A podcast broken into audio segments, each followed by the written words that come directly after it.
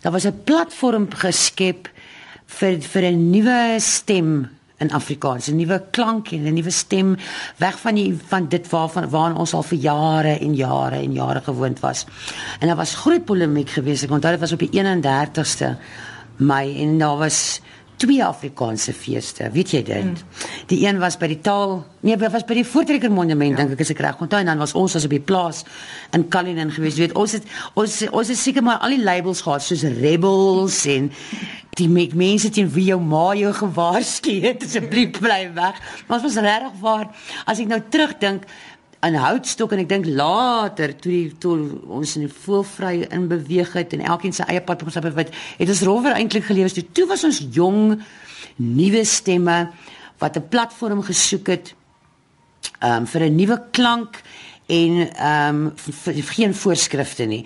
En ons ons ons wou graag sê dis cool om in Afrikaans. Kyk in, in, in ons daar was daar 'n sekere element van mufheid, jy weet of verroestheid aan Afrikaans. En dit was toe in daai oorgangsperiode wat die grondwerk gedoen was vir 'n nuwe alternatiewe Afrikaanse klank waar ons met trots in ons taal kon rock jazz, blues, enige ding. So Afrikaans nie 'n genre was nie, maar net net 'n taal waarin jy gesing het. So ja, dit is wat ons daar daar probeer doen. En ons was glad nie ons is glad nie skaam of vir ons vir ons wortels of wat dan van iemand selfs die brielse daar opgetree.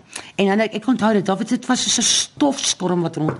Daar was so 'n plaas en dit was in die sand en dit Dit was verskriklik en daar was omtrent 15000 mense dink ek en toe daai Briels opstap tannie tannie tannie die tannie en haar dogter en haar sien die ouma is toe al dood het daar 'n stofstorm losgetrek soos die mense gedans het op die trein na Pretoria. Jy kan nie glo nie. So is nog steeds 'n groot trots oor waar ons vandaan kom en waar die wortels vandaan kom en en waar mes Afrikaanse musiek sou ontstaan gekry. Dit was nie 'n on, ontkenning daarvan nie, maar ons het net 'n vernuwing gesoek, 'n nuwe stem en 'n nuwe vryheid. Ons mos vandag presies dieselfde. Dis presies dieselfde. Daar's altyd 'n nuwe lot wat wil deurbreek met 'n met 'n nuwe stem. En dan is dan is die die oues wat lank gewerk het om daar te kom 'n bietjie weet stof op 'n lip, moenie nou en kom krap waar dit 'n jukkie. Dis maar dis maar altyd so. Ag, dit was dit was 'n wonderlike wonderlike wonderlike tyd. Liewe nou natuurlik die oploop tot die fees was nou natuurlik nie soos die Engelsman sal sê smooth sailing nie. Vertel ons bietjie van die oploop tot tot die fees. Natuurlik, jy het gepraat van die twee feeste, die een natuurlik ja. baie meer konservatief en dan julle wat nou gerebelleer het soos jy ja. gesê het. Man, ek weet daar was daar was baie polemiek en daar was baie omdat die twee feeste op dieselfde dag en dit was onbeplan. Dit was nie dit was regtig nie spesifiek so beplan nie. Dit het net toevallig gebeur dat die twee konserte op dieselfde dag was. So dit het ook dit het gevoel het verskeer die die publiek. Maar ek het nie gevoel nie want die, die vir almal is daar 'n gehoor. En baie van ons het dit so gevoel en ek weet daar was toe uh kunstenaars wat teen mekaar uh feeste gebal het en en ek ek ek weet Anton Goosen was glad nie skaam om te sê wat dit is wat hom gegrief het daai tyd en dis nog steeds dieselfde goed wat ons vandag grief.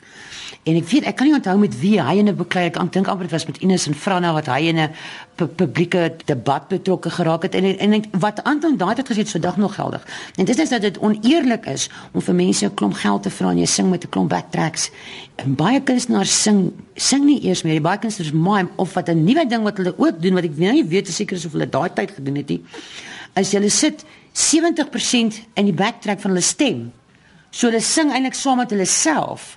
So wat is die kanse dat iets kan verkeerd loop behalwe vir 'n kragonderbreking? Net baie skraal. En hoe eerlik is dit? Jy jy luister na eintlik basies na 'n CD en dan koop jy nog 'n CD ook. So jy betaal dubbel vir 'n CD. So dit is ons gevoel is baie oneerlik as mense na konsert kom kyk dan moet jy ten minste self sing en jy moet jy moet self speel. Ek meen as jy dis seker nie nodig dat jy 'n hele band moet hê nie, maar ek meen jy jy kan daar's baie uh, goed wat jy kan doen rondom om dit net om 'n eerlike optrede wat wat nie jou publiek onderskat nie en wat vir hulle die waarde van die geld gee en wat die kaf van die koring skei.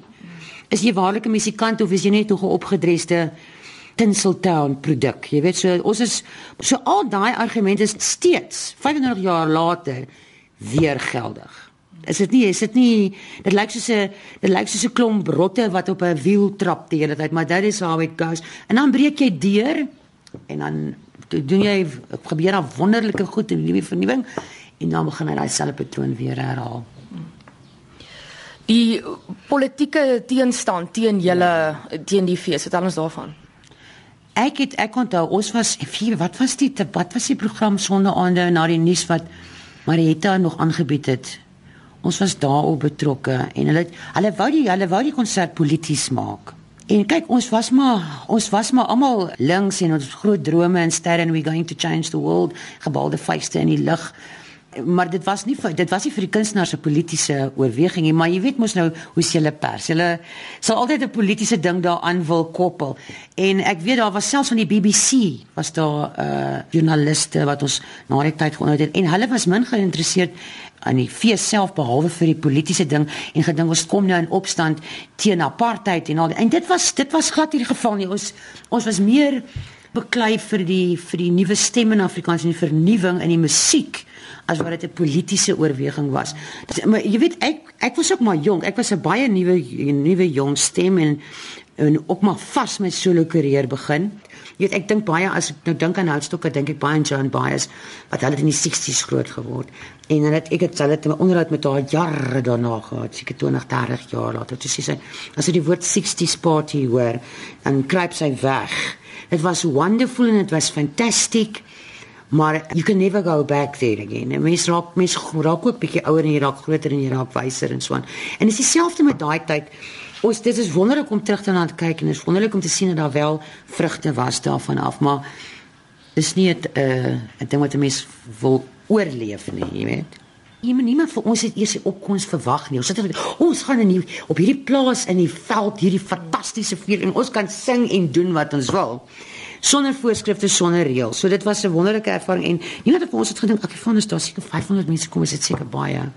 En die karre het verkneus verkeersknope veroorsaak en dit was net dit was so excitement, dit was absoluut absoluut absoluut wonderlike deel van 'n mens se loopbaan en ek van die kleurvolheid daarvan baie bygedra. Jy het vroeër die woord rebelleer gebruik. Het jy gerebelleer of was dit net 'n uitlaat van wie jy was as kunstenaars? Daar was van ons wat wat nou maar net kyk in 'n groep is daar altyd bietjie groter rebelle en ander wat net saam met die stroom gaan en so. Natuurlik is daar 'n klomp wat gerebelleer het en verskeie goed gerebelleer het. Party het polities sosiaal gerebelleer en party het teen die uh, musiekindustrie wat wat hulle beperk en wat hulle goed verban en wat jy nie jou vryheid as kunstenaar weggeneem het en daai ding gereguleer nie was 'n verhoog wat jy kon doen net wat jy wou. So dit was daar was definitief rebellie betrokke, maar nou nie rebellie soos 'n groot amok maak nie. Dis nie net om te sê kyk ons ons staan op en ons staan teen hierdie hierdie mag, jy weet hierdie unspoken mag, maar ons staan op teen dit en en ons moet probeer om 'n nuwe platform vir daai stem te, te gee. En sal jy sê hulle het reg gekry? Ek dink Houtstok het sy rol goed vervul. Dit was 'n goeie begin en 'n goeie aanloop en dit was groot opwinding en dit was groot excitement vir 'n nuwe Afrikaanse klank en stem. Daai het wonderlike kunstenaars wonderlike solo loopbane uh, gehad. Ek kan nie sê dat hulle dit nie sou gehad het sonder Houtstok nie. Dit kan ek nie sê nie, maar dit was als deel van die proses.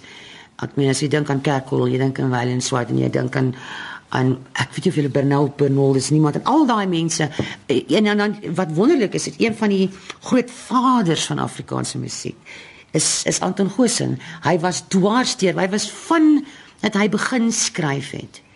Hy sê deel van groei en vernuwing en die pad geloop en tot vandag toe nog.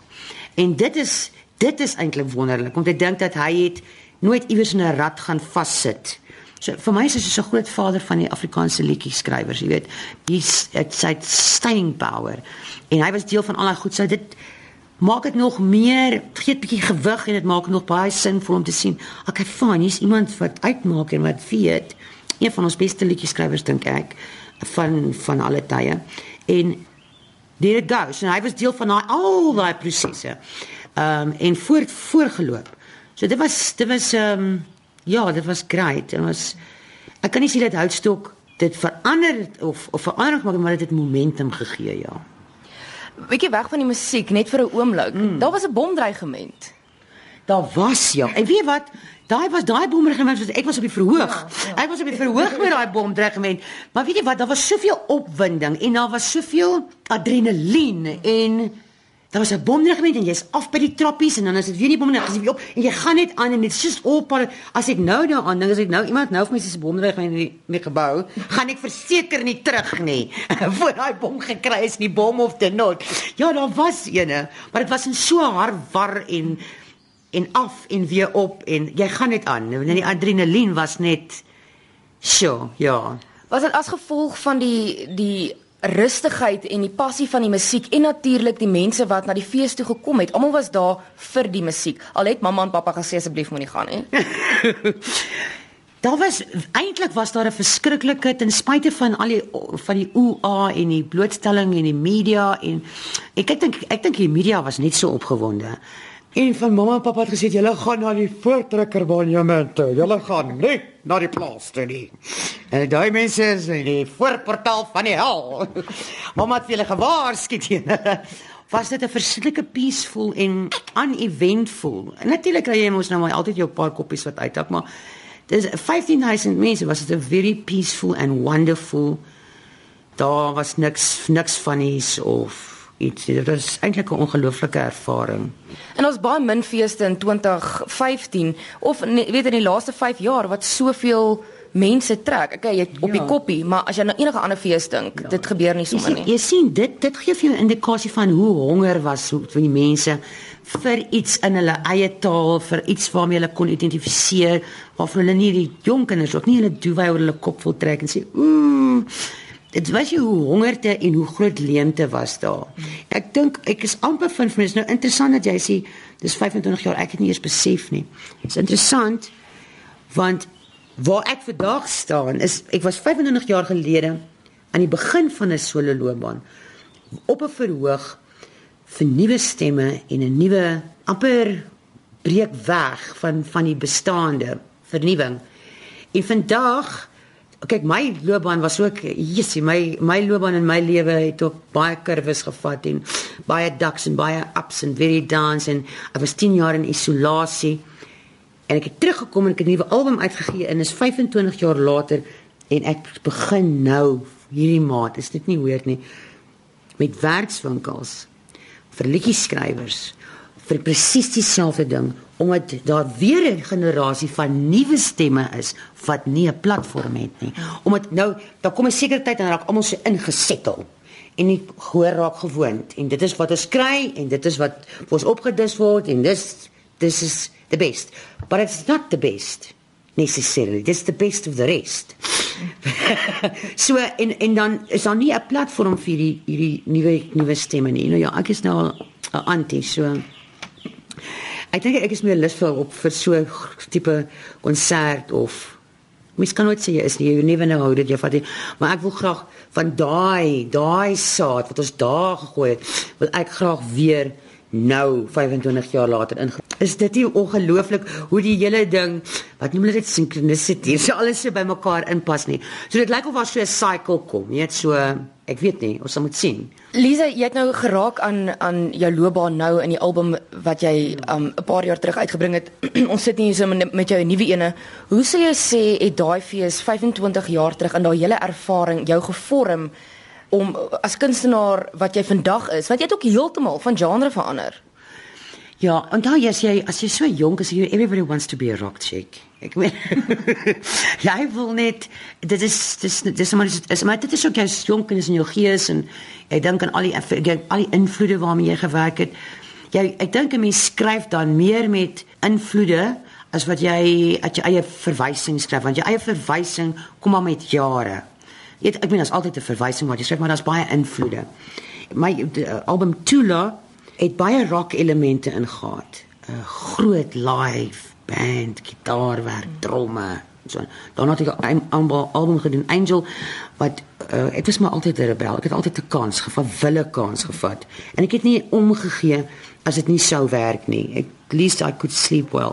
Het ek Angel uitgebring en dit was vir 'n hele omeswaai wat ek al die die rock drome weggevat het en en African percussion alles daarin gedoen het. En dan het ek nou toe ek toe na my seun se dood het ek moes gesê ek sou nooit my lewe weer sing nie. Ek is gebroke en uitmekaar uit en ek het 10 jaar gevat om te herstel en toe terugkom en ek sê ek het nog iets om te sê. Nou wat my hart is jou gebed uh, doen is hy's gestroop van al daai goed. There's now a lot of reference. Daar's 'n klomp sosiale reference, daar's 'n klomp persoonlike reference en daar's 'n career reference. En dan wat jy doen is as jy as jy jonger is dan dress jy meer op. En as jy ouer word dan dan trek jy al daai mondering en en cloaks wat jy aan het haal jy af en jy gooi dit weg en jy sê here is it to the bone. En wat is daar as jy so jonk is om af te trek? Daar is nog nie veel nie. Jy weet daar maar maar al daai maak deel van jy, as jy alles wegstrip soos jy nou my ouer kom jy begin alles wegstrip is daai die been goed wat bly.